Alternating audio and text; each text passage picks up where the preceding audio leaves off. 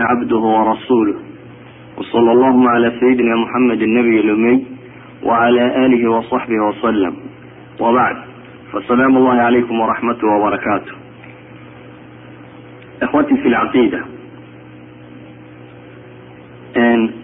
iyadoo in badan laga hadlay mawaadiic guud oo ku saabsan soomaaliya ama ummadda muslimkaa guud ahaan iyo xalka loo hayo waxaan maanta isku dayayaa inaan darafkaa daraf ka gedisan ka hadlo ama dacalkaa dacal ka gedisan oo ah caa'ilaadka muslimka ah ama dabadda jooga ama gudaha jooga inta badanna kuwa dabadda ku nool iyo dhibaatooyinkoodan joogtada ah sida loo xalili karayo ama wax looga qaban karayo.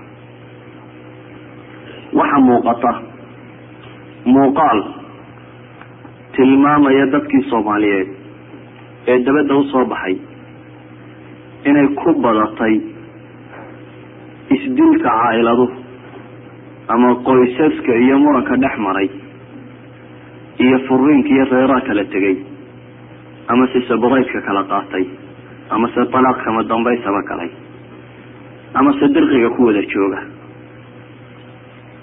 Mashkilaadkaasoo aada u tiro badan aada moodana dacwadoodu inay ku soo gaadhayso meel kastoo maanta yurub iyo north america aad ka martaba. Maxaa sababay? Dadka badh waxay isku qancinayaan. Dumarkiibaa waxay yimaadeen meel xorriyad badan ay ku heleen. Oo markii hore la cadaadinayay. Dabeetana wandegada power markay gacanta ku dhigeen powerkii ayay si tacasuf ku jiro ama xadgudub ku jiro u isticmaaleen dadka badh ayaa waxay leeyihiin mushkiladdu waxay ka timi. Cultural shocka ummadda ku dhacay ama dhaqamada isburinaya oo iyagoo dhaqan islaamiya dadku wateen ayay waxay u yimaadeen dhaqan gaaleed. Dhaqankii gaaleed baa jawaanib badan ka raadeeyay dadkii muslimka ahaa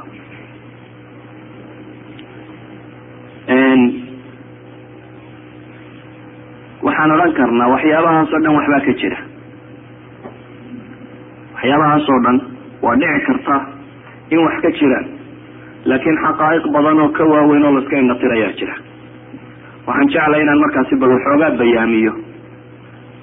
Dhibtu markay timaado sida diintu ina tili u dhaqma. Iyo qoyska muslimka sida layna yidhi u dhaqa iyo raggu qawaamadii la siiyey inuu ka soo baxay iyo inaanu ka soo bixin. Alla wuxuu qur'aankiisa ku leeyahy subxaanahu wa tacaala waashiruuhuna bilmacruuf fain karihtumuuhuna facasaa an takrahuu shayئa wayajcal allahu fiihi khayra kasiira. Alle wuxuu kitaabkiisa qur'aana ku leeyahy wacaashiruuhuna bilmacruuf waxaa kula dhaqantaan ba alla yidhi subxaana wa tacaala haweenka bilmacruuf samo samo ku dhaqanku waa fariidatun cala arijaal waa waajib saaran ragga inuu guriga samo kaga dhaqmo aayadda inteeda dambe waxay inoo tilmaamaysaa oo qofka mu'minka ah ku dhiiri gelinaysa inay dhici karto wuxuu qoonsadaa inay yimaadaan. Ninow baa ilaahay leeyi way dhici kartaa waxaad qoonsataa inay timaado way dhici kartaa inaad cadhooto way dhici kartaa nacaybku inuu meel kaa gaadho. Laakiin ilaahay wuxuu inoo firayaa daaqad amal ah. Rajo meelaanay ka go-in markaasaa ilaahay wuxuu leeyahay arrinku horta sidaa wax idinku u qiimaysaan oo keliya ma aha. Waxaad adigu isku buuxisay. Istiri meeshan waa raja kama soo jeeda gabadhan iska kala taga ama ka fogow. Ilahay wuxuu leeyay fain karihtumuuhunna war haddaad nacdaan baa ilahay yidhi oo karaahiyaysataan oo necbaysataan haddaad kahataan facasaa an takrahuu shaya facasaa waa xarfi taraji inta badan waxaa la yidhahaa luqada uu qur'aanku isticmaalo hadduu lacal la isticmaalo mufasiriinta qaar baa waxay yidhahdaan meel kastoo lacal ay ku soo aroorto xarfu tacliil ama kay baa loo macnayn karaa bay yidhahdaan. Ilaa iyo aayadda lacalakum takhluduun mooyaane. Oo ay yidhahdaan kaanakum takhluduun baa lagu tafsiira. Casa oo xarfu tarajiya haddii isagu qur'aanku isticmaalo bay yidhahdaan inta badan wuxuu u isticmaalaa litaxqiiq ama waxa yani waaqac dhacayo la sugayo kaanama alla wuxuu leeyi subxaana watacaala facasaa an takrahuu shaya wayajcal allahu fiihi khayra kasiira war waxaa la arkaa baa ilaahay inaa wax nacdaan laakiin waxaa la arkaa waxaanaa nacayseen in khayr badan in ku jira baa ilahay yihi waxaanaa nacayseen naftu waxyaabo badan bay nacdaa laakiin ilaahay wuxuu leeyahay nacistiina asal ma ahee khayr badan oo kalaa jira. Walidalik ba ilahay waxyaabaha ugu ajarka badanle mid kamida wuxuu ku tilmaamaya kutiba calaykum alqitaalu wahuwa kurhun lakum wacasaa an takrahuu shaya wahuwa khayru lakum wacasaa an tuxibuu shaya wahuwa sharun lakum wallahu yaclamu waantum laa taclamuun aayadan kale waxay aayadda hore la wadaagtaa mas'alat lkurh qofku iyo waxa uu naco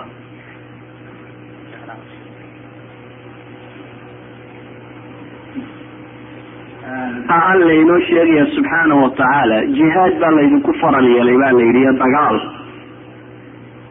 dagaal inay naftu gasho oo ay khatar mawqafka ay istaagtaa waa wax naftu necab tahay baa ilahay yidhi. Laakiin nafta necbaanshiyaheedu waxaa suurtagala baa ilahay yidhi inaad wax nacdaan oo uu khayr idin yi waxaa kaloo la arkaa baa ilahay leeya inaad idinku wax nacdaan oo wax jeclaataan oo waxaan aad jeceshiin shar yahay yacni miqyaaska ama waxaa wax ku qiimeynaysaan had iyo goor sax maaha ilaahay leeyahy wax badan oo aada necab tahayna in wanaaggu kuugu jiraa laga yaabaa. Wax badan oo adigu aada jeceshay ama aada yididiiloonaysana in xumuhu kuugu jiraan. Markaasaa weliba ilaahayna tambiihinaya wuxuu leeyahy wallahu yaclam wa antum laa taclamuun. War idinku wax ma ogidin amase wax garan maysaan. Ee ilaahay baa subxaana watacaala wax garanaya ee axkaamtiisa raaca waxaan leenahay qoyska muslimka ah si aan dhibo ugu dhicin. Waxa u asala inuu ninku qawaamada leeyahy ama maamulka leeyahy maamulka ninku leeyahayna waxaa alle ku tilmaamaya subxaana watacaala inuu u hayo maamulkaasi si samaa kelmadaasi wacasaa an takrahuu shay-an wahuwa khayru lakum ta ayaa wuxuu nabigu leeya calayhi salaatu wasalaam xadiid saxiixa laa yafrak mu'minun mu'mina in kariha minha khuluqan radiya minha aakhara wuxuu nabigu leeya calayhi salaatu wasalaam laa yafraku. Ay laa yabqad uma cadhooda buu nabigu leeya calayhi salaatu wasalaam qof mu'mini gabadh mu'minada haddii uu dhaqan ku naco buu nebigu yihi calayhi salaatu wasalaam. Hadduu cadhoodo hadduu yacni dhaqan ku naco wuxuu ka helayaa mid kale uu ku jeclaysto. Yacni qof ah absolute value wato oo wax walba riceku oo saxni ma jira buu nebigu leh calayhi salaatu wasalaam. Haddaad wax ku nacdo qofka kan ama gabadhani ay iin leeday ama waxuun ay ku liidato waxaad helaysaa buu nabigu leeya calayhi salaatu wasalaam wax badan oo kale oo gabadha lagu jeclaan karo. Idan meesha maxaa yaalla? Miisaan ah inaad wax badan isu geyso. Waayo aslul insaan waxaa la tilmaamayaa inaanu sayi-o waayin xataa jannada ma wax ka qaalisan baa jira. Janno wax ka weyn ama ka qaalisan ma jiraan oo nimca oo la helaa. Waatuu nebigu ku tilmaamaya mawduucu sawt meel shaabuug la dhigo ama la dhiga baa ka khayr badan dunida iyo waxa yaalloo dhan jannada noocaasiya waxa lagu gelayo ama miisaanka lagu galo ilaahay wuxuu ku tilmaamayaa faman haqulat mawaasiinu haqlu miisaan baa la sheegay. Maaha absolute value qof aan dembi lahayni meesha ma joogo. Ambiyada macsuumkaa mooyaane. Ilahay wuxuu leeyay faman haqulat cid ay cuslaato. Sida daraajeed buu nabigu wuxuu leeya war haddaad wax xun ku aragta waxaad ku nacdo haddaad aragto waxaad helaysaa buu nabigu leeyahay wax kaloo aad ku jeclaato. Sida daraaddeed mu'min muminadu ma cadhoodo buu nabigu leeyay qof mu'mini gabadh mu'minada uma cadhoodo sababtu waxay tahay dhaqan uu diido hadduu arko dhaqan kale uu ogol yahay baa jira.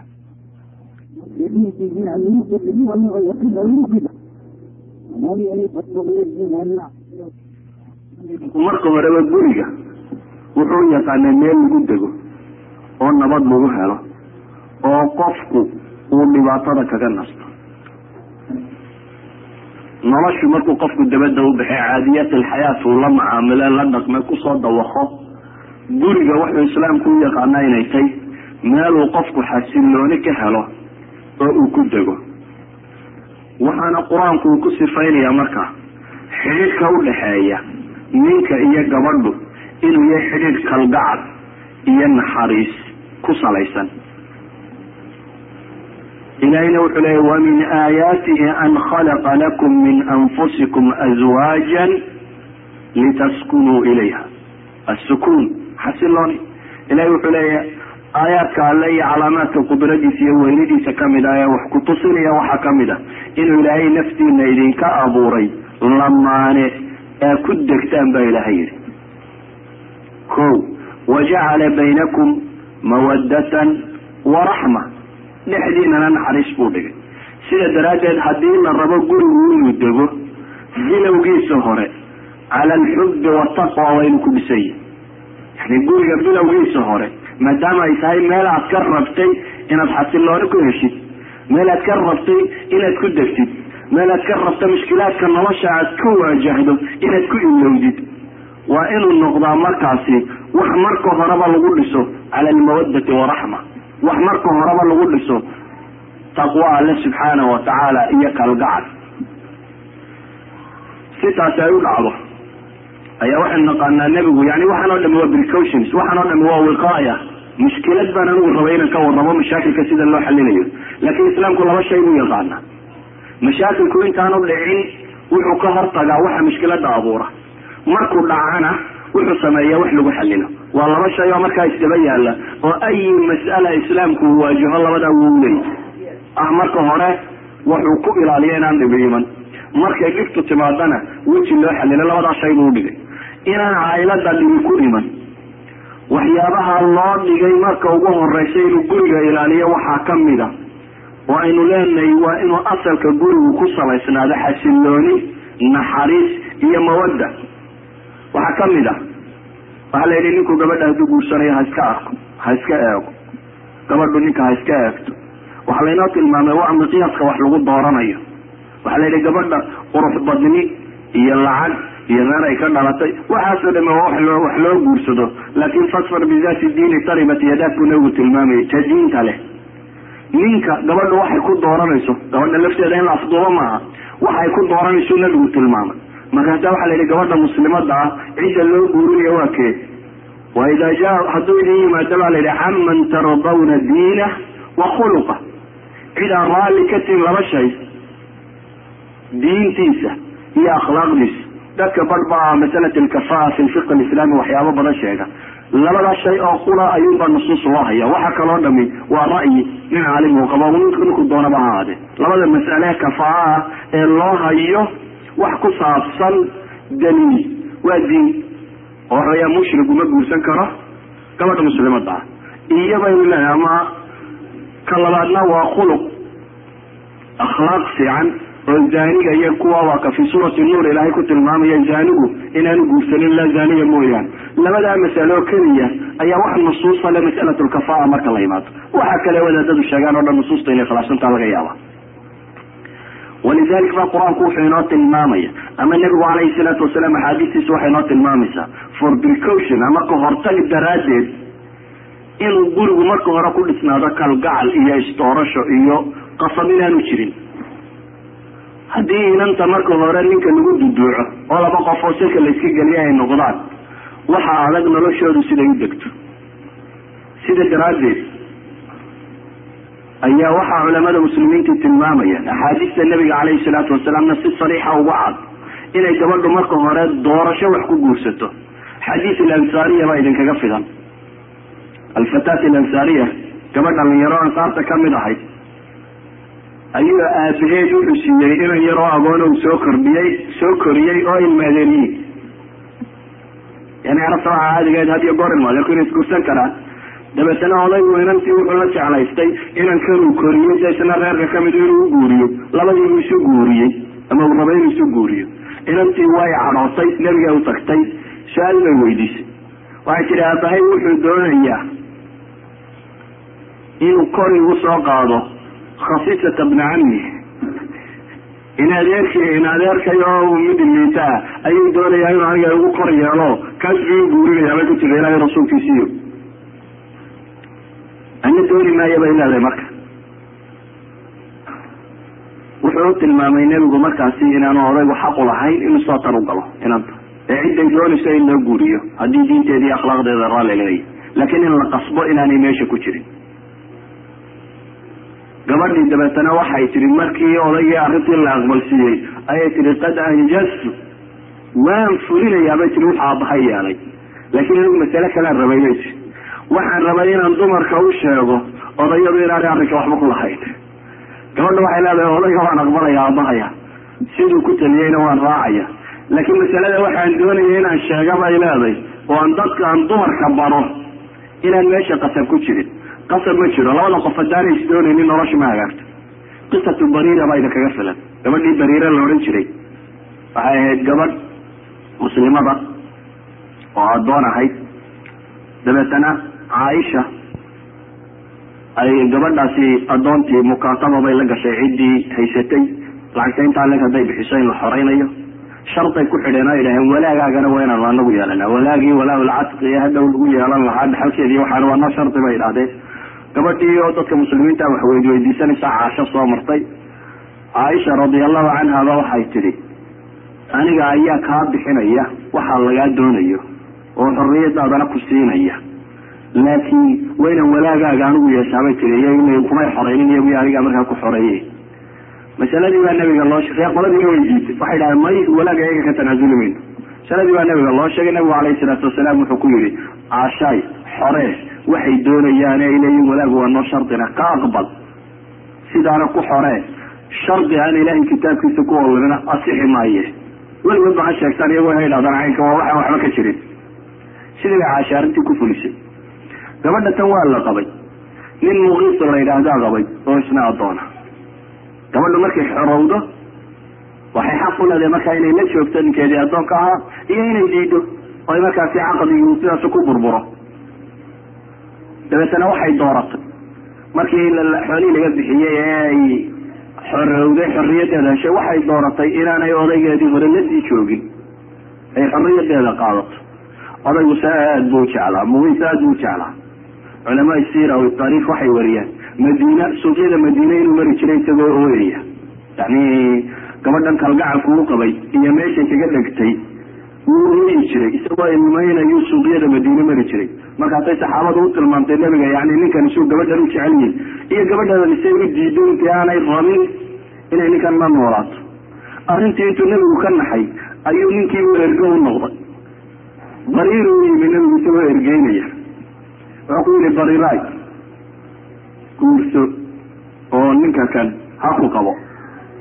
Su'aal bay nebiga weydiisay waxay ku tihi ma aamir baatay mise shaafici baatay ma waxbaad ifaraysaa yani waa amar. Wama kana limuminin walaa muminatin ida qada allahu warasuluhu amran an yakuna lahum alkhiyara marka ma aamir baa tahay. Ilaahilada qur'aanka wuxuu ku tilmaamaya aliya rasuulkiisu hadday wax amraan qofka mu'mini doorasho kama leh. Waa waxyi xagga alle ka yimi waa in la furaa waa in la fuliya waxay nabiga weydiiyey su'aala ma aamir baa ta waxani waa waxyiyo dee waa inaan saa yeelaba iloba ilowa mise shaafic baa tay dee ergun baa tuuro erga muslimo haddii laga aqbalana. Dee laga aqbal haddii laga aqbali waayana aanay wax mushkilada ku jirin. Waa nabigu tilmaamay ergaan ahay? Yidhi amar meeshan ma jire adaa xorriyadaadana inaad guursatee laakiin ergaanay ergadaa ma yeelin bay tiri mar hadday arku caynkaatay way diiday waxay ku adkaysatay halkeeda ahayd inay xorriyadeeda qaadato waxaan uga jeedaa waxaroon gurigu inuu doorasho ku dhismo doorashadu inay diin ku salaysan tahay qofka diintiisa iyo caqiidadiisa iyo dhaqankiisa iyo akhlaaqdiisa marka laga raali noqdo in la isguursado walidalik. Guriga gilgilankiisu aada buu u xun yahay nolosha gebigeedubana waa guriga deganaanshiyihiisa wuxuu nabigu leeya calayhi salaatu wasalaam xadiis ka asaxay man baata aaminan fii sirbi mucaafan fii jasadi. Ninka hoyda ee barya habeenkii fii sirbi ay fii qawli aw fii ahli. Gurigiisi iyo reerkiisi iyo ninka habeenkii seexda ee ku barya isagoo caafimaad qaba laba shay nabadgelyo gurigiisii ku seexday. Caafimaad qabna uu ku jiro. Uutu yawmihina haysta. Maantaa wuxuu cuni lahaana haysta. Fakaanamaa xiizat lahu dunya bixadaafiriha buu nabigu yihi kaasi adduunka gebigiisiba isagoo duduuban baa loo ururiyey. Yani wax kaa maqaniyo jiraan. Haddaad reerkaadi iyo adigoo isku fiican oo nabad qaba oo waxaad cuntaana aada haysataan waasami kuu beriyo. Hadda adduunka sad kuguma hadhina aakhira u raadcee. Shadkii adduunka u dhan yahy wax ka hadhay oo dambe aad sii raadcaysaa meesha ma yaalin waxay leenahay marka wuxuu nabigu ku tilmaamaya calayhi salaatu wasalaam ama ilaahayba qur'aanka inoogu sifaynaya inuu marka hore gurigu noqdo guri isku xidhnaankiisu ay gaadho xad la yidhaahdo huna libaasun lakum wa antum libaasun lahuna miyaad jeceshahay dharkaagu inu fool xumaado markaad marada iibsanayso war maro qurux badan oo ilaago in badan baad iska qiyaastaa marada iskama geshatid ma tidhaahdeen waa maroo dee jidka way qarinaysaa ee gasho ee maanta o dhan waxaad egeegtaa fuudkeedu intuu legiyo baladkeedi iyo dherarkeediiyo say ku leekaan lahayd kullu dalik waxa weeyaan inaad nafta raalli geliso sida aanad u jeclayn marada noociyaad ka mid a inaad qaadato ayay ku habboontahay marka hore reerka la guursanaya noociyaad gaara inuu ahaado waxayn leenahay marka kuwaasi waa wiqaayaadkii guriguna marka hore inuu qaabkaasi u dhisnaadaabaa habboon. Waxaa habboon inaan furitaanku iyo mushkilada timaado xalu raadinteedu awal khaatira ay noqon. Laba qof oo wada jooga kolley waxa isku qabtaan la waayi maayo. Marka ugu horeysa aad qabataanba inaad ama furiin ku degdegin ama darnad ku degdegin ama dawaq ku degdegina wax badan inaad fiirsato. Walidalik ayaa alxaafid dahabi oo caalim min culamaai taarikh walxadiid ah caalimka xaafidka la yaqaano waa ninku ibnu xajar baa la yidhi biyaha zamzam wuxuu u cabay ilaa xifdiga xaafidu dahabiy oo kale aan helo ibnu xajarka taqaani yani wuxuu ahaa caalim marmuuq min culamaai lmuslimiin kitaabkiisa la yidhaha kitaab ilkabair ayuu qisu ku soo aroorinaya qisada wuxuu ka soo aroorinaya cahdigii cumar wuxuu yihi waxaa la sheegay siqatu rumiya buu ku wariyay laakiin waa iska qisa insha allah waxaa la sheegay buu yihi inuu nin cahdigii cumar cumar soo qabtay. Cumar markuu madaxda muslimiinta u ahaa buu nin soo qabtay. Isagoo raba inuu ka ashtakoodo gabadhiisa akhlaaq xumadeeda ama dhib ay ku samaysay. Isagoo ka cabanaya ayuu soo soo tegay ba la yidhi. Gabadhu ka dacwayay cumar buu albaabkiisii istaagay.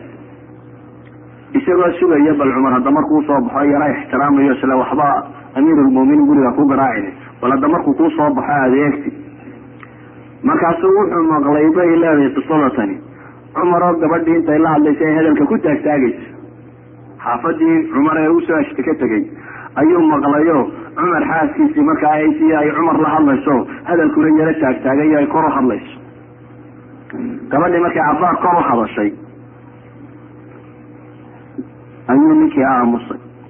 Oo dhegaystay markaasuu wuxuu kaloo arkay cumar oo aamusan oo aan waxba ku celinin. Gabadhi inay weli had hadlayso dabeetana ninkii wuxuu yihi waryaah gurigii amiirulmuminiinkuba haduusa iyo malaa dhib badan adna kuma haysatee? Waar iska noqo. Laabashadii uu laabtay adiisa ka noqday. Ayuu cumar arkaan la yidhaho uu soo baxay markuu yidhi mar haddii gurigii amiirulmuminiinkuba doodani ay ka taagantay mala adna dhib badani ma jirto iska noqo cumar baa arkay ninkii oo sii socda dabeetana wuu u yeedhay. Wuxuu yihi maa xaajatuka ayuha rajul? Waarnimow baahidaadu maxay ahayd? Dhibta ku haysataa waa maxay? buu yidhi. Wuxuu yidhi amiirulmuminiina waxaan kuu imi. Anigoo ka ashtakoonaya dhaqan xumo gabadhayda aan ka dareemay iyo hadalku ay gu dheerdheeraysay markaasaa waxaan maqlay iyadoo gabadhii ay kula hadlayso adna aada aamusan tahay.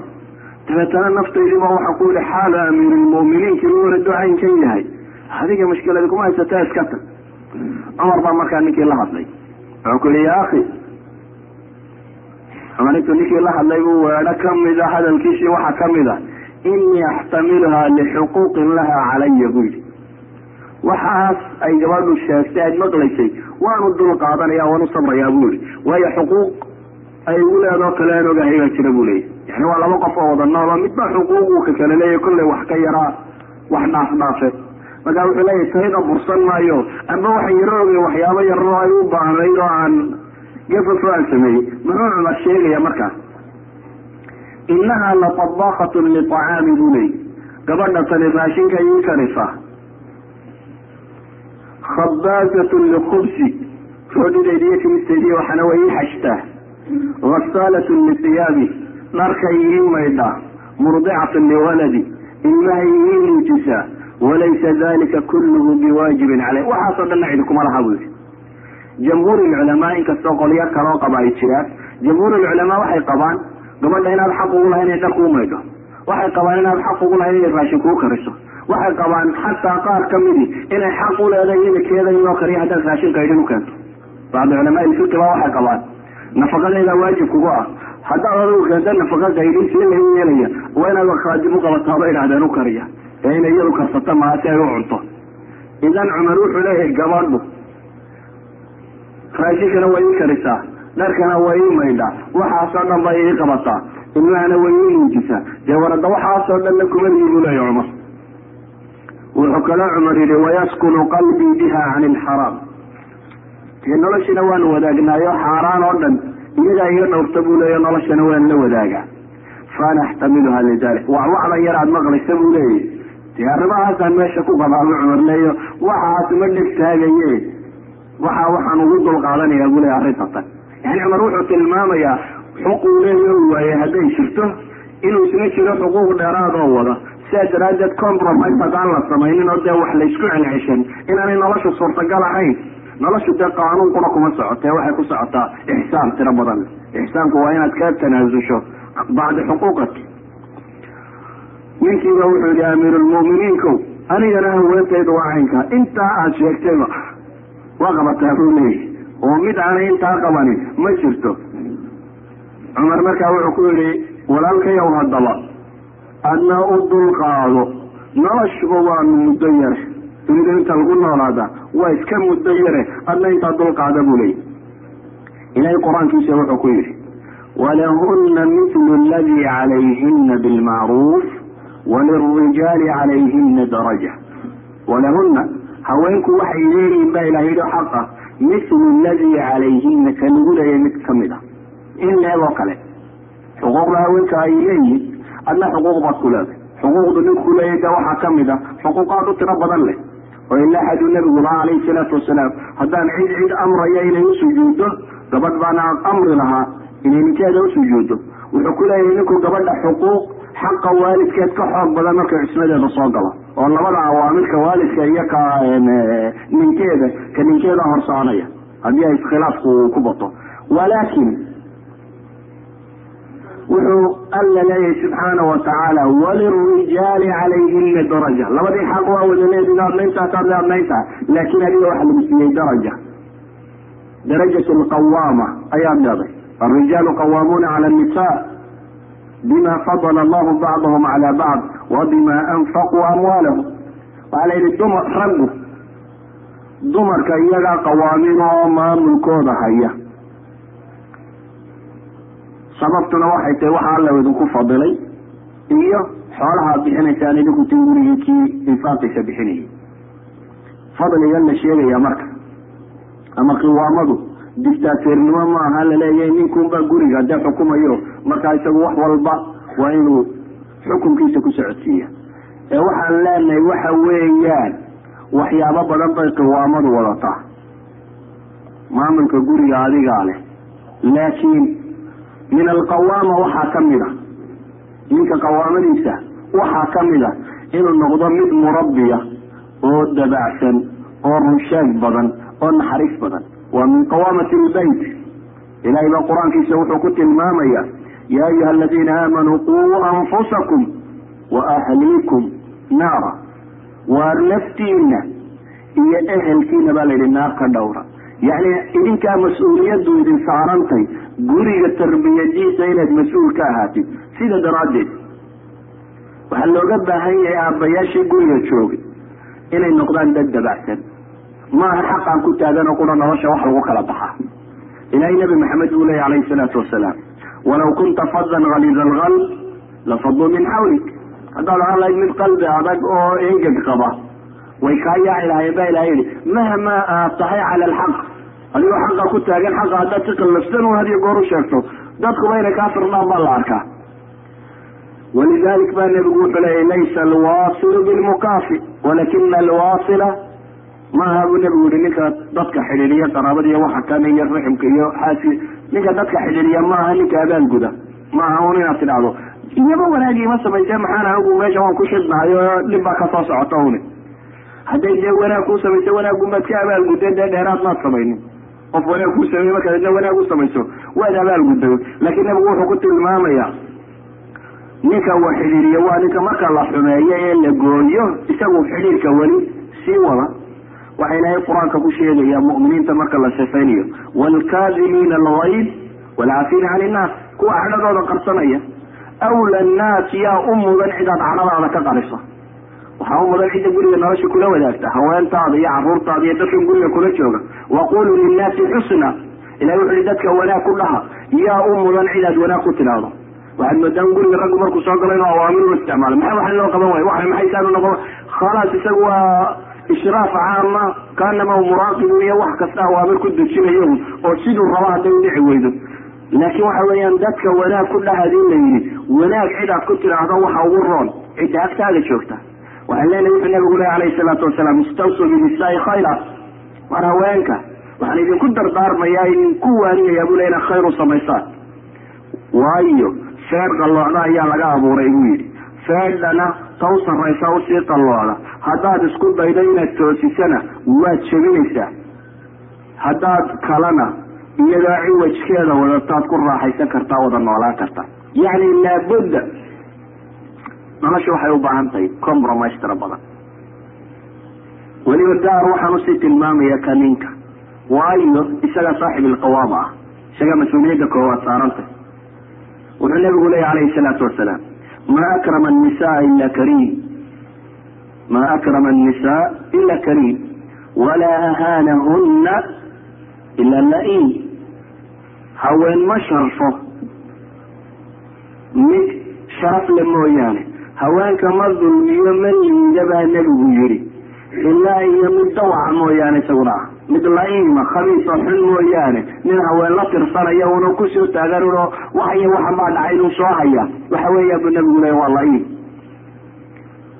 Waa shaacirkii carbeed waa tuna. Waman da ladii turdaa tajaayahu kullaha kafaa bilmari nablan an tucadda macayiba.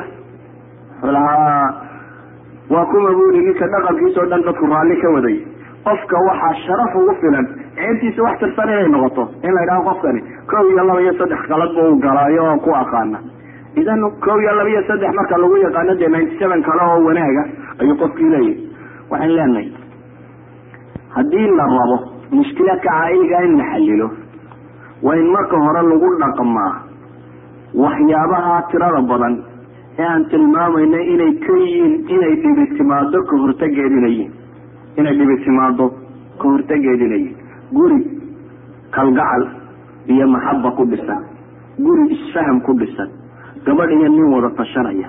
Wax badan isweydaarsanaya inaad adigu talada haysaa in la wada tashado wada tashiga la diido macnaheeda maaha. Waxay yidhahdaan qolada carbeed nin kastoo cadiima bay yidhaahdaan imraa cadiima baa ka dambaysa. Yacni waxaa jirta inuu qofku maamulka hayo. Macnaheedu maaha dadka ka hooseeya inaanu la tashanin inuu dictator hado wax walba hogaamiyo war nabiga calayhi salaatu wasalaam suu haweenka ula tashanayay. Mashkilaadkii ugu xasaasisanaa taladii xaaskiisa ka saartay. Mashkilaadkii ugu daraa maalintii xudaybiya ee mashkiladu dhacday ee loo diiday nebiga saxaabadii la socotay inay xajaan ee dabeetana heshiiska uu qasab noqday in la galo ee heshiisku nebigu gaalada la galay ee heshiiskii ay dareemeen saxaabadu in laga bursaday muslimiinta heshiisyada qodobo adag baa ku jiray oo ay ka mid ahayd maxay waxa gaalada ka yimaadee soo islaamee muslimka u soo jirada in dib loo celiyo. Muslimiinta se kuwa xagga ka yimaada inaan lagu soo celin xagga muslimiinta. Qodobo adag oo muslimiinta badh ay qaadin kari waayeen baa ka mid ahaa. Ilaa xadgaalkii markaasi saxaabi markii dambe ahaa saxaabadii ugu adadkayd markii dambe ka mid ahaa lakiin waktigaa gaal ahaa oo ahaa ninkii muslimka safiirkii gaalada ka socday ee la qoranayay ilaa xad adadaygiisa uu gaadsiiyey inaan wuxuu nabigu sheegay meesha lagu qoray bismi illahi raxmaan raxiim iyo hada rasuul alla iyo waxa inaan lagu qorin u yihi war anigu raxmaan raxiimna garan maaye bismika allahuma igu qora buu yihi meesha mana garanaya buu yihi rasuul allah inaad ta ismaynan dileene maxamed ibn cabdillah anu kuu naqaana ku qora buu leeyahy magacaaga. Heshiiskii nooca ahaa markuu nebigu galay ee uu saxeexay ayay saxaabadii liqi kari waayeen dabeetana way iska soo taageen. Nebigu wuxuu amray in hadyigii la wadayna la qalo timahana la xiirto cimrada inay halkaa ugu dhan tahay dabeetana la noqdo. Saxaabadii hadalkii wuu ka dhaadhici waayey. Qofku markay caladu xad gaadho mar baad moodaa maskaxduba inay qafilanto saxaabadii saacada ka hor la yidhi nebigu candhuuftu tufay kala boobayeen waysadu ku weysaysanayay kala boobayeen rumaysnaayo yidhi naf iyo maalba ilaahay iyo rasuulkiisaanu u hurray. Ayaa marka ka weedhan la leeyahay qala oo kaakicibala waxay yidhahdaan culamaai alxadiid lacalahum kaanuu yantadiruuna nafka alxadiid madaha waxay islaaheen in uuna armaa alla nusuusta ma soo dejiya ila waxyigu markaa uu soo tegay muu goyne alla xukumkan mar uun muu nasakho ama wuxuun baa ka daba daba iman doone bal yaraa yaro kaasadiyo malaha wuxuun ba islahaayeen tii markay dhaqaaqi waayeen uu nebigu ku noqday xaaskii umu salama haweenaydiisii isagoo yaabana tiri ilaahay rasuulkiisiiyo maxaad kala kulantay saxaabadii u leeyahay saxaabadii maanta shay cajiib oo aanan hore uga arag baan ka arkay. Ee waxay tihi xal baan hayaa? Mushkilada wax kaa bixiya.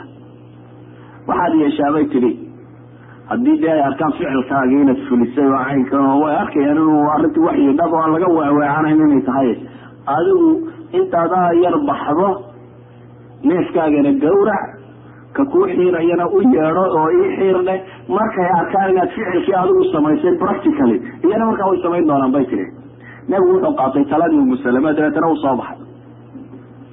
Neefkiisii buu gawracay dabeetana wuxuu u yeedhay ciddii u xiiraysay waa loo xiiray saxaabadii markay arkeen nebigu alayhi salaatu wasalaam inuu ficilkii sameeyey ficlan iyana waa fuliyeen iyagoo laakiin ramiga rawi xadiid muxuu lahaa ama saxaabigu muxuu lahaa wuxuu ku dhawaaday barka iyo barka kale inuu madaxa gooyo.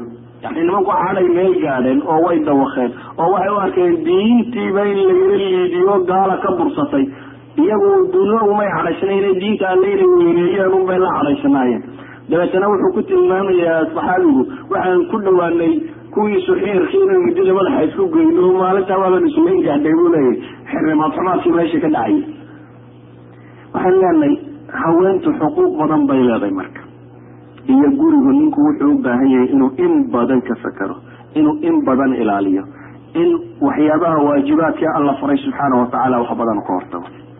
Mawduucaygu ma aha inaan ka waramo dhaqanka guriga muslimka ah waayo kaasi wuu inala dheeraanaya haddaynu caawa isku dayno inaan ka waramo mawduucaygu waxa weeyaan sida loo xalilayo mushkilada guriga muslimka ah. Waxaan leeyahay markaasi intaasi waa in muqadima ama waa hordhac. Sheegaya in wiqaaya tiro badan la islaamku uu dejiyey si aan mushkiladi uga abuurmin guriga. Laakiin waa bashar. Basharkuna ma dhib waayo si uun bay u dhacdaa inay mushkiladi timaado wax la qoonsado una hore loo qaadan kari waayo un baa yimaada. Si uun baa labada qof midkood wax u tirsada. Maxaa xala marka? Waxaa xala baan leenahay inta la dul qaadan karo in la dul qaato.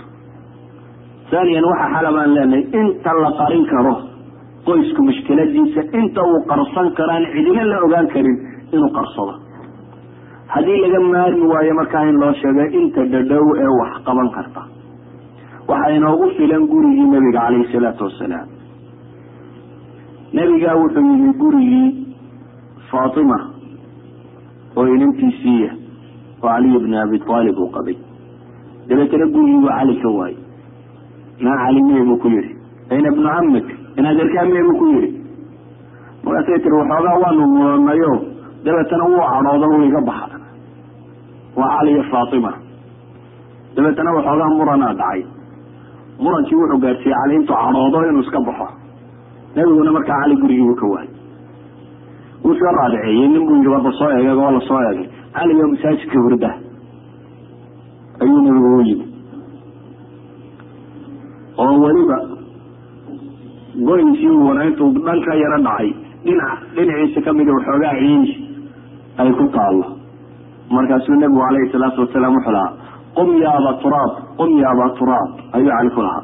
Waa ka kac meesha aba turaabo isagoo ciidii ku dhegdegtay naanays uga dhigaya.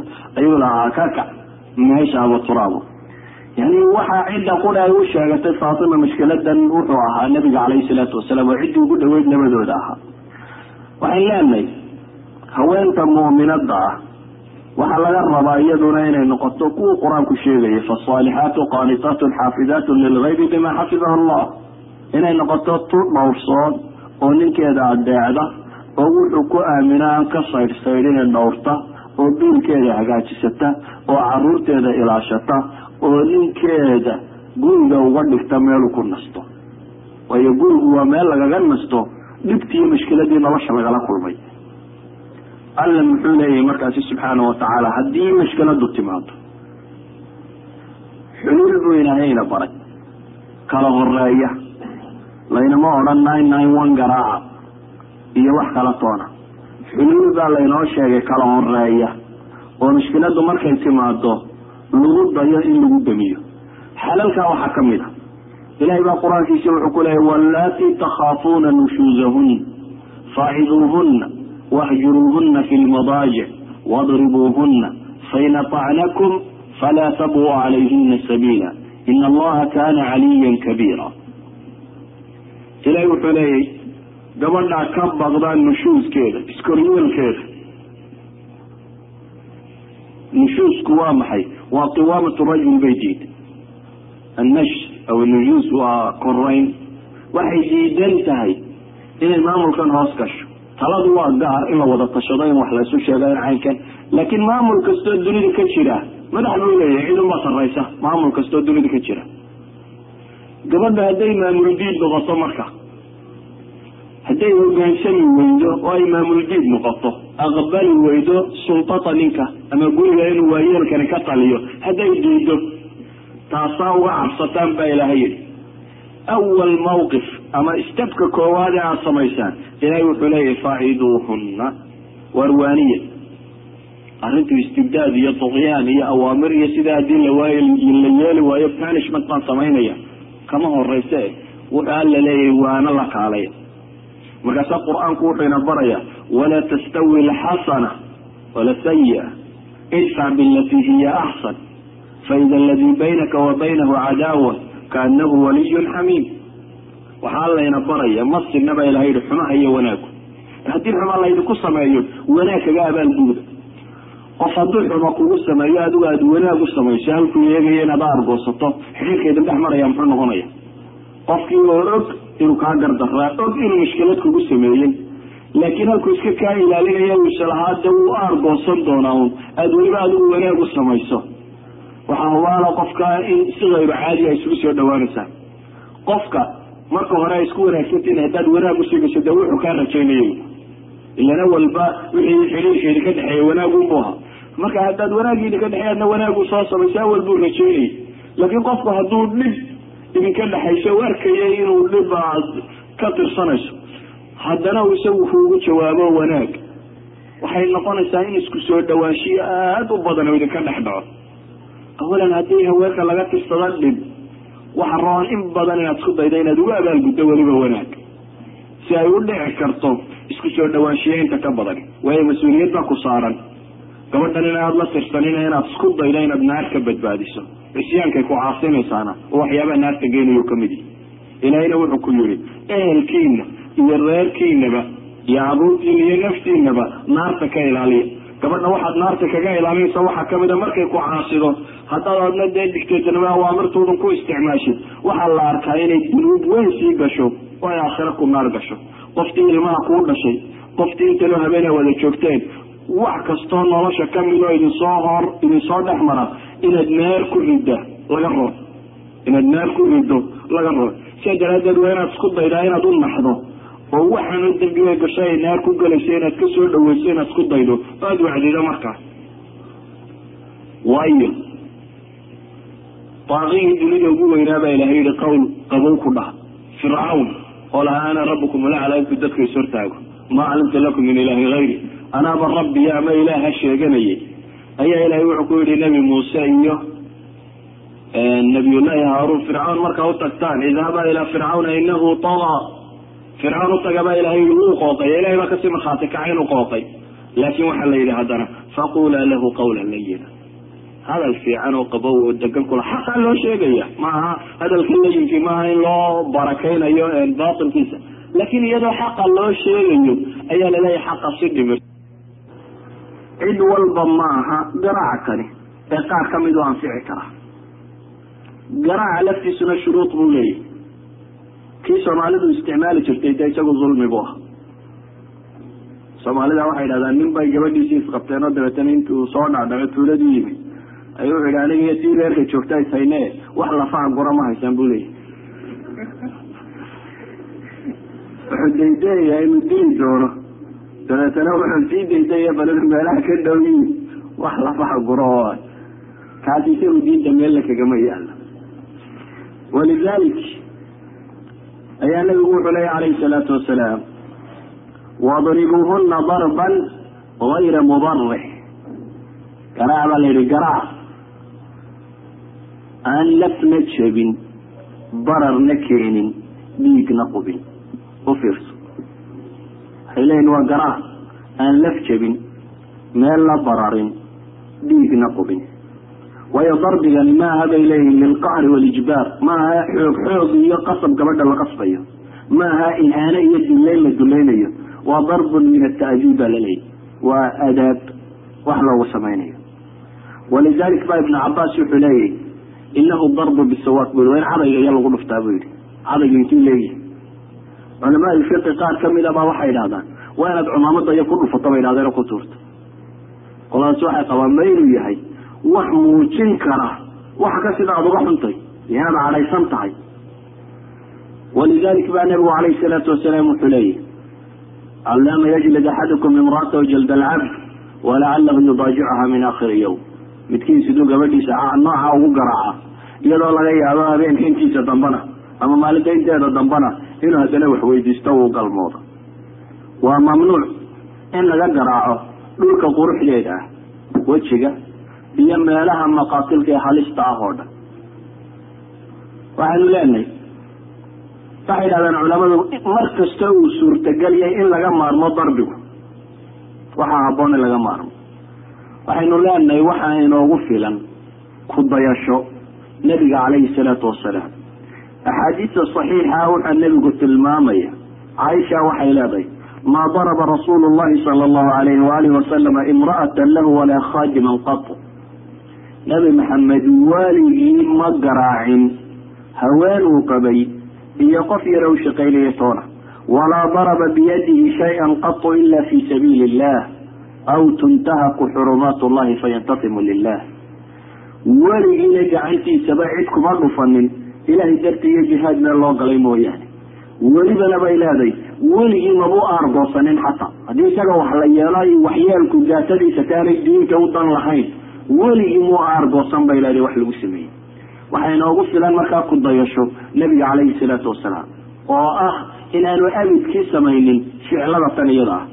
Laakiin waxaan leenahay masaladu wax layska dhagamaro maahe dadka badh baa daawadeeda ay tay laakiin dadka oo dhan amase dumarka oo dhan daawo uma wadaha qayb ka mid a ayaa dhici karta inay daawadeed tay haddii arinku uu intaa ku gabagaboobi kari waayo oo in la iswaaniyo ama sariirta lagu kala yaro tago ama wax yar laysku yaro tuuro. Darbiga kan xataa de waxaan u malaynaya male north america waa isku xukunune kolley maraykanka qaanuunkiisa u yaalla garaacis dumarka. Waa hadduu mubarax gaadhow. Inta ka hooseysa ma aha loogu waxba ma qabto. Waxaa yaro lagu dhuftiyo waxaasi looguma. Waa inuun ama bararu ka muuqda ama jabid ay ka muuqata ama dilaacu ka muuqda. Markaasunbuu qaanuunku garaacda u isticmaala ama abis markaa unbay waxa intaa ka sokeeya xataa jeerlo abis kuma mahmaa takun iyaga ama ha ku ahaata ama iyaga ku ahaane kani xagga allo ka yimi.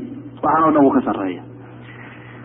Waxaynu leenahay hadday waxyaabahaasoo dhamee xuluushaynu tilmaamnay xal noqon kari waayaan. Ilahi wuxuu leeyay wain khiftum shiqaaqa baynihima fabcatuu xakaman min ahlihi waxakaman min ahliha in yuriida islaaxan yuwafiq illahu baynahuma ina allaha kana caliiman khabiira alla wuxuu leeyay subxaana watacaala haddaad ka cabsataan shiqaaq kala go shiqaaqu waa min ashaq shaquna waa dhambal haddaad ka cabsataan in la kala dhambalmo in dee qoyskii uu dumo oo uu burburo war waxaad soo dirtaan baa ilaahay leeyihi qof iyada xaggeeda ka socda oo reerka ka mid a iyo qof ninka xaggiisa ka socda oo reerka ka mid a. Labadooda waxa laga yaaba in caradii madax marto ka kale markuu bidhaantiisa arkaba inuu iska sii xumbeeyo ama ismadax maro gar qaadan kari waayaa laga arkaa. Sidaa daraaddeed waxa la yidhi usluub kale haddaba hala isticmaalo. Gabadhu waxay ka tabanayso nin ha u sheegato xakam ha u soo sheegato. Waxay tabanayso o dhan. Ninku wuxuu tabanayo oo dhanna xakamkiisa ha u sheegto. Labadoodan kale aan iyagu isu calaysanayn marka ha wada hadlaan oo qadiyadii ha isla eegaan. Labadii xakam qadiyadii ha isla eegaan halkani ha waramo gabadhu tanbay sheeganaysaa waxan bay ka cabanaysaa waxan bay ka cabanaysaa ninka kalena ha waramo ninku waxan buu ka cabanaya kan buu ka cabanaya kan. Labadaasibaa alla leeyahy subxaana watacaala hadday dhab ahayd ninka iyo gabadhu waxa ay doonayaan iyo reerku inuu yahay in islaax iyo reerkan in la dhiso ilaahay baa ballan qaaday. In yuriida islaaxan yuwafiq illaahu baynahuma.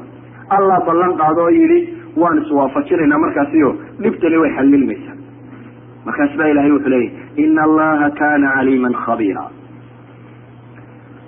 waxay leenahay waxaas oo dhib ah qur'aanku wuxuu sameeyey markaasi xal xalkuna waa kaasi ah in solution intaasoo istaba la raaco hadday intaasi suurtoobi weydo marka maxaa la yeelaya intiiba haddii lagu guulaysan kari waayo maxaa la yeelaya waxay leenahay markaana xuluul kale ayaa weli taalla xuluusha kale yaalla waxaa ka mid a waxa alaaqa loo yaqaano alaaqa wax xun maaha.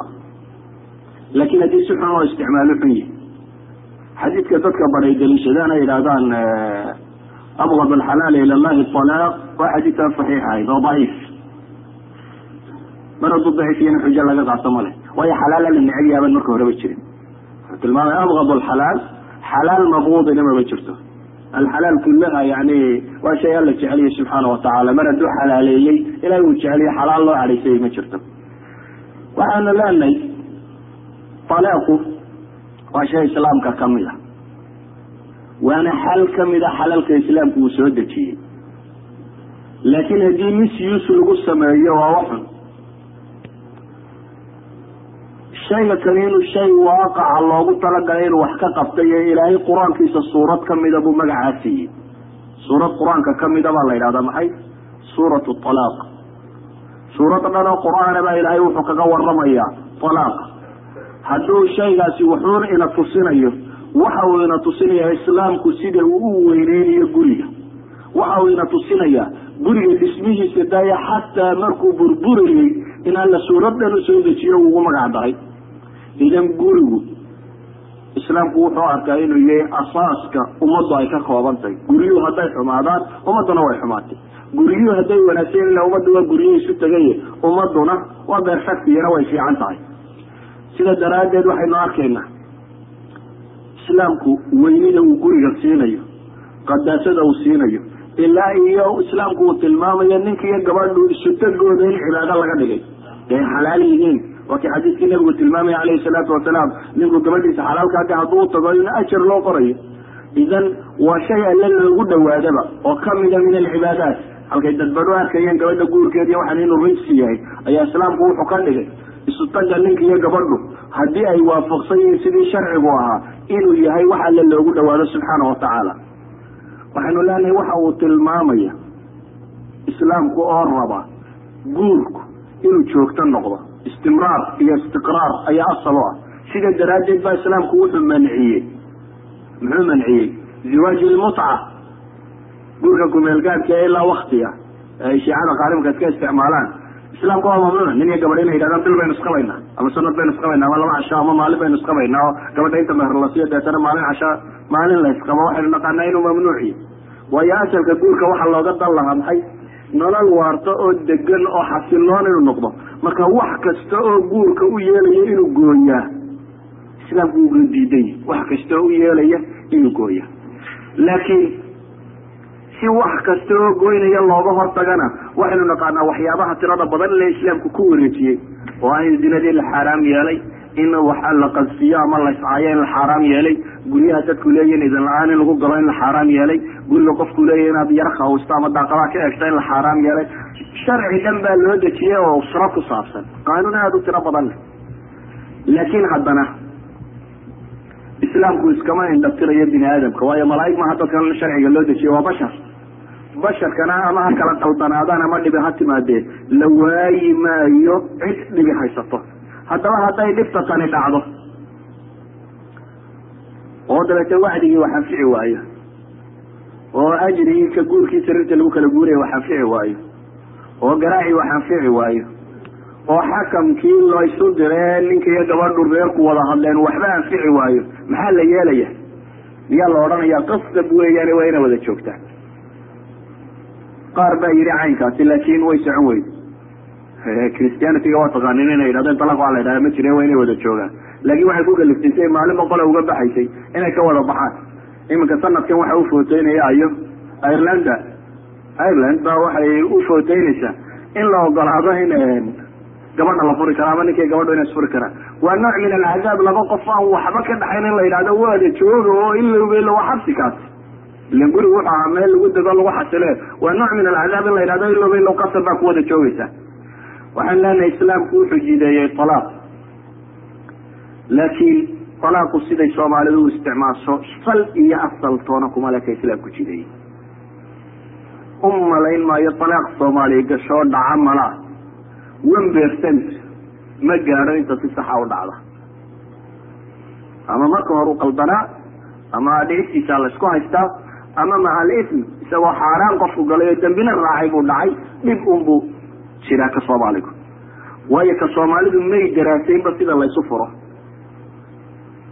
alle subxaana watacaala suuradatan markuu soo dejiyey wuxuu leey ya ayuha nabiyu ida طalaqtum الnisaءa faطalliquuhuna liciddatihin tawjiiha kan ama guurku siduu u weyn yahay furistu ilaahay khitaabka wuxuu ku jireeyey nabiga calayhi salaatu wasalaam oo nebiga kaanamaa isaga lala hadlayo un wa min waraa'ihi bay ummaduna ka qaadanaysaa ayaa ilaahay nabiga u yeedho o yihi yaa ayuha nabiyu nebi allow baa la yidhi subxaana watacaala haddaa haweenka furtaan ba la yidhi haweenka waktigooda fura waktiga maxaa looga dan leeyahy ma banaana goor walba inaad wax furto.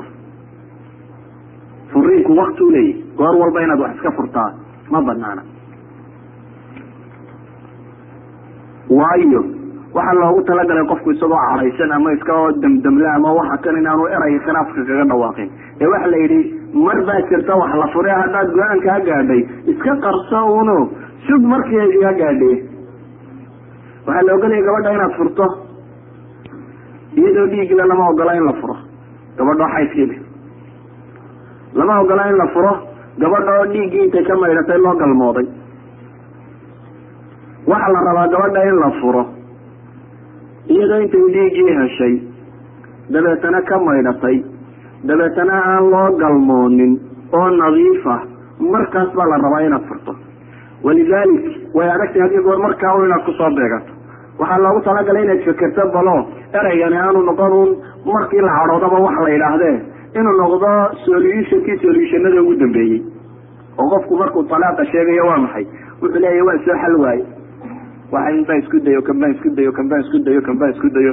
All this way anfici waayeen oo way suurtoobi weyd. Waxaan soo gaadhay markaasi last solutionki ma aha markaa wax markaad cadhooto lagaga dhawaaqo. Walidalik ayaa cabdillahi ibni cumar baa gabadh furay. Saxaabigii la odhan jiray. Cabdillahi ibni cumar markuu gabadhiisii furay wuxuu furay iyadoo xayd leh iyadoo dhiig leh. Nabigaa loo sheegay calayhi salaatu wasalaam wuu cadhooday nebigu. Aad buu u cadhooday. Dabeetana cumar bu wuxuu ku yihi u sheeg inankaagu ha soo celiyo gabadha haddaba gabadhii la furay. Culamadu waxay leeyihiin wuu dhacayaa talaaqaasi laakiin nebigu wuxuu diiday in lagu wado waayo waa xaaraan qofku galay sidaa daraaddeed wuxuu nebigu leeyay soo cesho gabadha. Murhu falyuraajicha baa la yidhi. Far oo gabadhii rajactu ha yidhaahdo oo dib ha u qabo. Dabeetana ha haysta baa la yidhi. Ilaa intay ka daahir noqonayso. Haddii xayd lagu fura bay idhahdeen waa inuu ninku hayaa gabadha. Ilaa intay mar labaad ka daahir noqonayso. Oo ay haddana dhiig kale ka helayso. Oo ay haddana mar kale ka daahir noqonayso. Gabadhii xaydka lagu furay. Wuxuu nabigu yihi far ha soo celiyo. Ha haysto gabadha tan. Ha daahir noqoto xayd kale ha hesho dabeetana ha daahir noqoto. Markaa kadib buu yihi hadduu doonayana ha furo.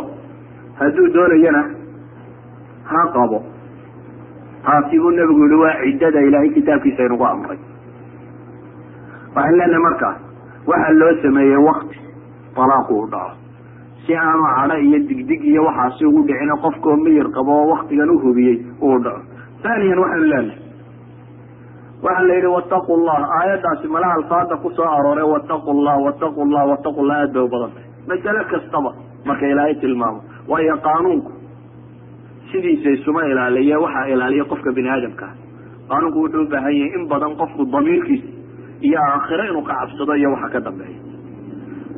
Marxalada labaad waxaa la yidhi haddii aad gabadhii furto waxaa la yidhi markaaba ma go'ayo furitaankiina gabadhii oo dhiig heshay oo ka maydhato daahira ama iyadoo uurile labadaa jeer baa la furi karaa haddii ay dhacdo la furay waxaa la yidhi faamsikuuhuna bimacruuf aw faariquuhuna bimacruuf waa intay cidday tirsanaysa intay ciddada ku jirto. Weedhaan ujeeda waa maxay labada goor ba ilaahay bimacruuf buu yihi weedhan u fiirso waxaa la yidhi haddaa furtaanna macruuf ku fura. Haddaa qabtaanna macruuf ku qaba. Maxaa labadii goorba macruufka loo raaciyey dadku waxaad moodaa markay isfuraan in loo haysto in la kala go'ay oo xedhiyo fandhal kala dhaheen oo dee dadku isu cadhooday oo wax damboo la wadaagaya inaanu jirin ma aha. Waxaa la yidhi haddaad gabadhii soo ceshanayso rajacto odhanayso mashkilad maaha waad soo ceshatay aayar qab. Haddaad kala tagtaan baa ilaahay yidhi idinkoo isu dudaya ama isu cadhaysaan ama caynkaana kala tagtaan maaha. Waayo dee ma banaano shareecada islaamiga saddex maalmood wax ka badan laba qof inay isu cadhoodaan ama isqaba ama isqabina mar haddaa muslim wada noqoteen oo mu'mintiin ma banaana saddex casho wax ka badan inay cadho ku kala maqantiin. Saddex casho wax ka badan haddaa cadho ku kala maqnaataan dambiilayaal baa labadii nabadtiin marka waa inaad dambiga iska ilaalisaan sidaa daraaddeed waxa la yidhi haddaa kala tagtaanna waa inaad kala tagtaan idinkoo isu qirsan inaad si laba qof oo walaalaa xuquuqdii walaalnimo isku leh. Weliba idinka dan dheeraad oo kale idinka dhexayso sida daraaddeed ba qur'aanku wuxuu tilmaamaya marka la kala tago masalan haddii ilmo yar oo naaska nuugaya uu jiro in la wada tashado ilmaha naaska ma ka dayna mise kama dayno? Innaga waxaabad moodaa kuwa wada jooga inaanay ka tashanin.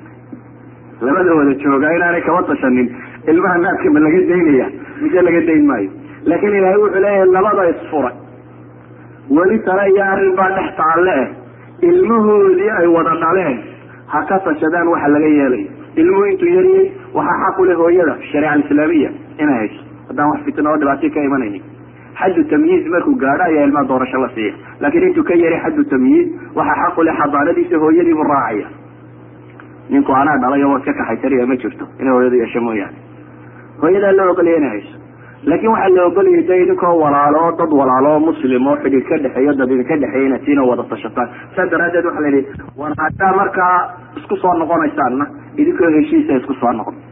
Haddii ay iska sii kala tegaysaanna ku sii kala taga bimacruuf waayo qofka muslimkii waa qofka kale muslimkaa walaalkii maxaa kaloo meesha yaalla marka? Waxaa meesha yaalla islaamku wuxuu xad u yeelay furitaanka.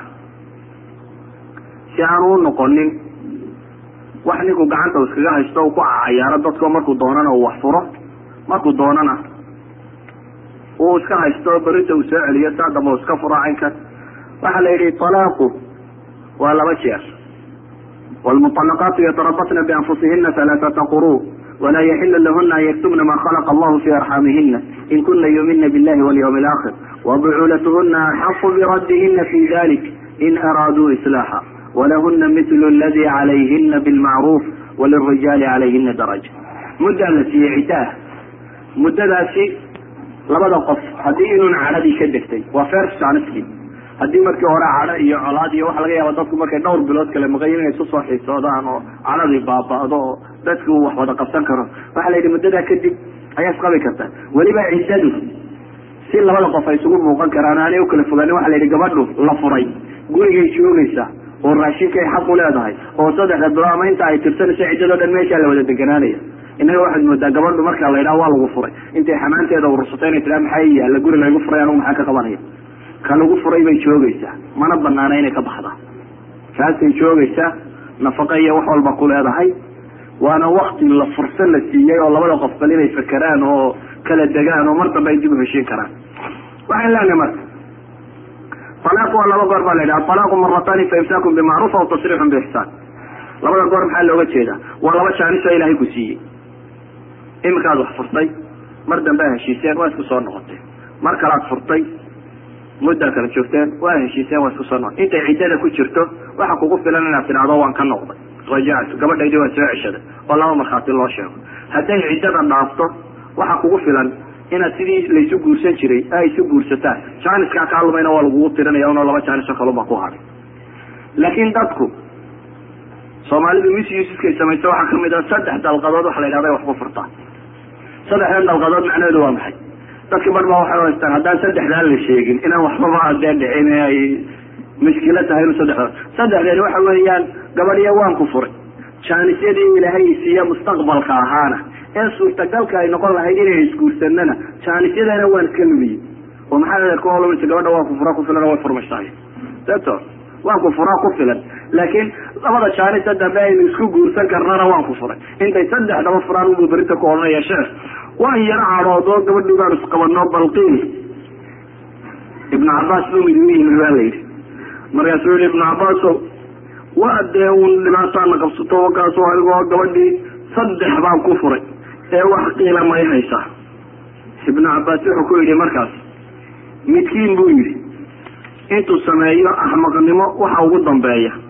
Yani axmaqnimo dhammaanteed intuu midkiin sameeyo ayuu dabeetana imanaya isagoo le bu yihi ya bna cabaas ya bna cabaas ilaahayna kamuu biqin bu yihi waar alle kamaad biqin bu yihi ilaahayna wuxuu yihi waman yattaqi llaha yajcal lahu makhraja.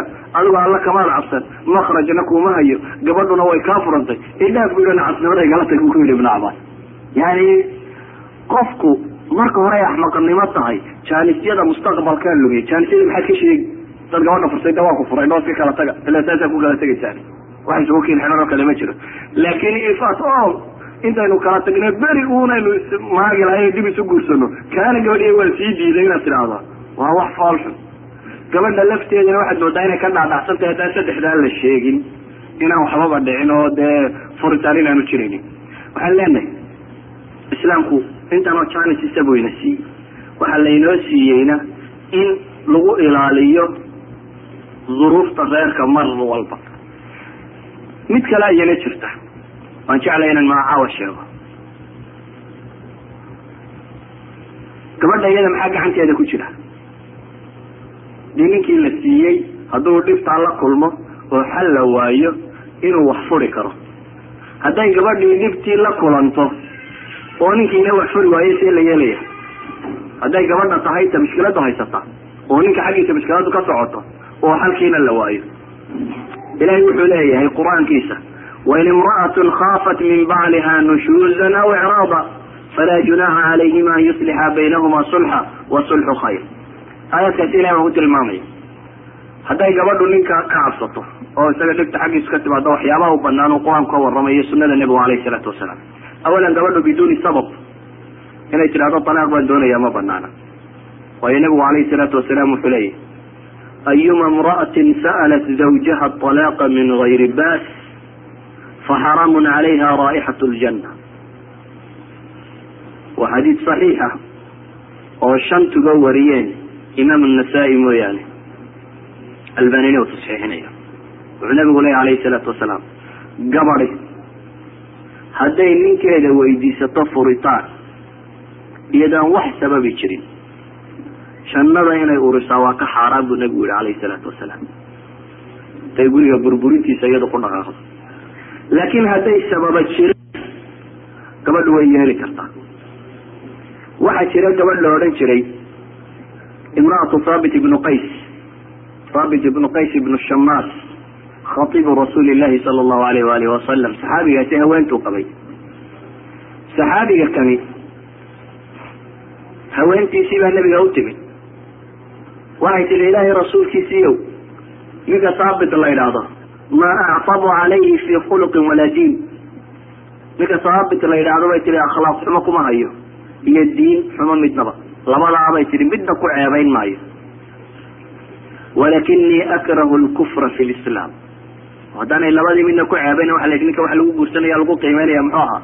Aman tardawna diina wa khuluqa qofka diintiisa iyo akhlaaqdiisa raalli laga yahy gabadhiina waxay sheeganaysaa labadaa mas'alo inaanay midnaba ka cabanaynin. Laakin bay haddana gabadhu waxay leedahay gaalnimo islaamnimo ku dhex jirtaa necbay bay tiri kufraan ilcashiir inaan sameeyo. Yani gabadhani waxay ka cabanaysaa. Si kastaba ha u dhacdee ninkii unbaa qalbigeedii ku xasili waayo xasilooni darri aada u badan bay dareentay. Waxay kaloo dareemaysaa inuu ninku dee xuquuq ku leeyahay waajib ku tahay xuquuqdan inay fuliso waxay markaasi ka cabsi qabtaa waxa weeyaan iyadoo xuquuqdaasi waajib igu tahay oo aan ogahay haddana inaan xuquuqdii fulin waaya waa kufraan lcashiir waa kufru nicma. Gaalnimada islaamnimada ku dhex jirta aanan doonayn bay leedahay. Ninka kan maxay ku diid thaabit ibnu qays la ydhaha thaabit ibnu qays waa nin xoola leh oo gabadhan wuxuu meher u siiyey beer dhan. Ayuu meher u siiyey. Waa nin aftahana oo wuxuu ahaa khaiib afhayeenkii nabiga calayhi salaatu wasalaam. Ninkuu nabigu diri jiray inuu khudbadeeye afhayeenka u ah ayuu ahaa waa khaiibu rasuulillah. Waa nin aada u fasiixo aftahana oo si fiican wax u cadcadayn kara laakiin ninkan waxaa la yidhaahdaa wuxuu ahaa nin gaaban oo xagga madowga xiga oo yaro foolx yani shakligan bini aadamka kala qurux quruxsan ayaanu qurux badnayn riwaayaadka saxiixa inta badan gabadhu inay shakliga sheegtay ma sheegaan. Laakin imaam ibnu jariir atabari fi tafsiri can ibn cabas bisanadihi riwaayadu ku soo aroorinayo ayaa waxay sheegaan in kastoo sanadkooda kuwa laga hadlo. Inay tidhi waxaa arkay isagoo afar nin la soo socdo wuxuu ahaa kii u gaaban. Ee u foolxun waxbay sheeg sheegtay. Gabadhii nafteedii u ninkii way ku xasili weytay dabeetana waxay ogtay in xuquuqna islaamku uu ku leeyo gabadha sani ninkan de inay biduuni zanbi inay wax iska dalbataa inaanay meesha habbooneyn markay arrintii ku xasili weyday ayay nabiga u sheegatay. Macaynkaasaabu ku yidhi nabigu alayh isalaatu wasalaam ha bay tiri waxaa la arkaa gabadh waa gabadh diin leh oo muslimada. Wuxuu nabigu ku yidhi alayhi salaatu wasalaam bal waxaad u yeedhaa. Bal isagii igu yeedha buu yidhi. Waxaa loo yeedhay saabit ibnu qays ibnu shamaas ayaa loo yeedhay dabeetana wuxuu nabigu ku yidhi war gabadha tan haddii ay wixii aada siisay ay kuu celiso ma iska sii daynaysa ha buu yidhi ilahay rasuulkiisiiyo gabadhii buu u yeedhay wuxuu yihi ninka kan wixiisii u celi de ilan kharash buu galo meher buu bixiyo reer buu aroosto waa kanoo jaaniskiisii dee maadigahayo wax ku aroosan kara ila aduu kugu aroostay waanada qabashay iminkana waxaad rabtaa inaad kala tagtaan. Isagaana nafaqaadku waajib ku ahaaye marka dee ninka waa loo celiyaa wixiisiisi isna tu kale ugu aroosta haddaba oo jaaniskii ilaa adaa lugiye waa inuu helaa ciwad. Khulciga kaas baa la yidhahdaa gabadhii markaa wuxuu nabigu ku yidhi naaniga ma u celinaysaa dee waaye beertiisi ila mar haddaan diin ka cabanayn oo akhlaaq ka cabanayn oo waxba ka cabanayn haddana adiga aad diidan tahay inaad la dhaqanaato o la deganaato. Oo nawcan maa naftaadi wax dareentay. Ma celinaysaa buu ku yidhi wixii. Beertiisii haabay tiri ilahi rasuulkiisiiy beerta in halkaa ku taallu meherisiiye wakaasi beertiisii ha qaato. Nabigu wuxuu ku yihi waar qaado beertaada oo fur dabeetana u qaatay beertiisii u furay. Masaladaasi khulcin baa la yidhahdaa. Gabadha nafsiyaadkeeda hadday tegi waayaan ila hada alxad ay gaadho xaq bay leedahay inay khulci dalbato. Thaniyan waxaa kaloo gabadha u banaan fisqin. Oo haddaynu idhi ninka gacantiisii talaaq baa ku jira. Leenahay gabadha gacanteedii waxaa ku jira fisqin. Waana uful waana dhici weyd.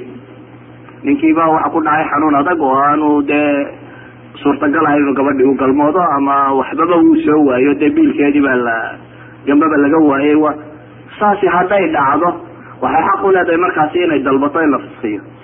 Fisqinta tan markaa qaadi islaamiya waa inay maxkamad tagtaa maxkamadda waa inay cadaysaa waxaan gabadhu sheegaysaa inay jirto kadibna waa in gabadha la siiya warqad fisqin oo ah in ninkii laga furo oo qaadigu ka sii daayo. Waxaana kuma le la odhanayo soo celi ma jirto marka. Waayo iyada jaanibkeedii wax ka yimi ma jirto waa gabadh raalliyo diyaare iyadii baa waxay weyday wixii xaqa ay lahayd. Markan waxba male inay celiso ee iyadu weliba xuquuqda wixii ka maqnaana waa dayn ama waa inuu la helaa saa daraaddeed markaana xaq bay uleedahay mar kalena xaq bay uleedahay haddii marka hore ay shardisato gacanteeda loo geliyo.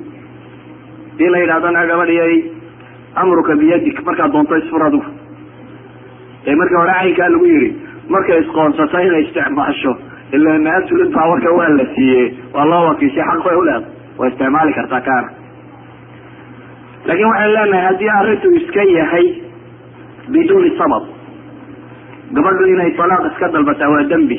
Saas daraaddeed baa nebigu wuxuu leeyahy ayuma imra'atin sa'alat zawjaha talaaq min gayri baas faxaraamun calayha raa'ixat ljanna gabadh kasta oo ninkeeda ka doonta inuu furo iyadoo wax dhibaati aanay jirin jannada ma urisuu nebigu ku tilmaamaya alayh isalaatu wasalaam. Idan waxaan leenahay hadday mushkiladu xagga ninka ka timaadana waxaa la sameeyey xal uu yeeli karo oo kaa talaaqa. Hadday xagga gabadha ka timaadana waxaa la sameeyey xal ay isticmaali karto oo ah khulcin iyo fisqin iyo inay marka hore sharta sii dhigatay. Labadaasibana waxaynu leenahay waa xalka kama dambaysta ee waxaa la dhigay xalal afar ah ama saddexa oo ka sii horeeyey xalalkaa saddexdii ka sii horeeyey waxaa la dhigay baynu idhi shay wiqaaya precautions oo ah.